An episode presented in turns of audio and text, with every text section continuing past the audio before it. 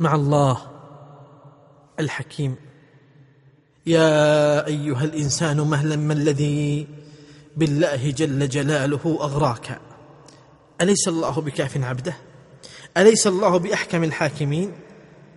الله الذي يحكم الأشياء ويتقنها ويضعها في موضعها اللائق بها بقدر منه تبارك وتعالى. الله شرع الشرائع لحكمة وسن السنن لحكمة فشريعته حكمة بالغة في مقاصدها وفي أسرارها وفي عواقبها الدنيوية والأخروية. الله لا يدخل تدبيره ولا شرعه خلل ولا خطل ولا زلل وأفعاله وأقواله تقع على مراده تبارك وتعالى بحكمة وعدل وسداد.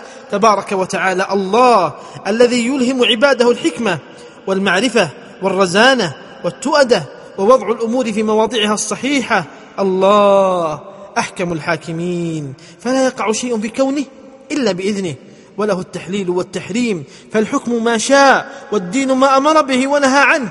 ولا معقب لحكمه ولا راد لقدره وقضائه.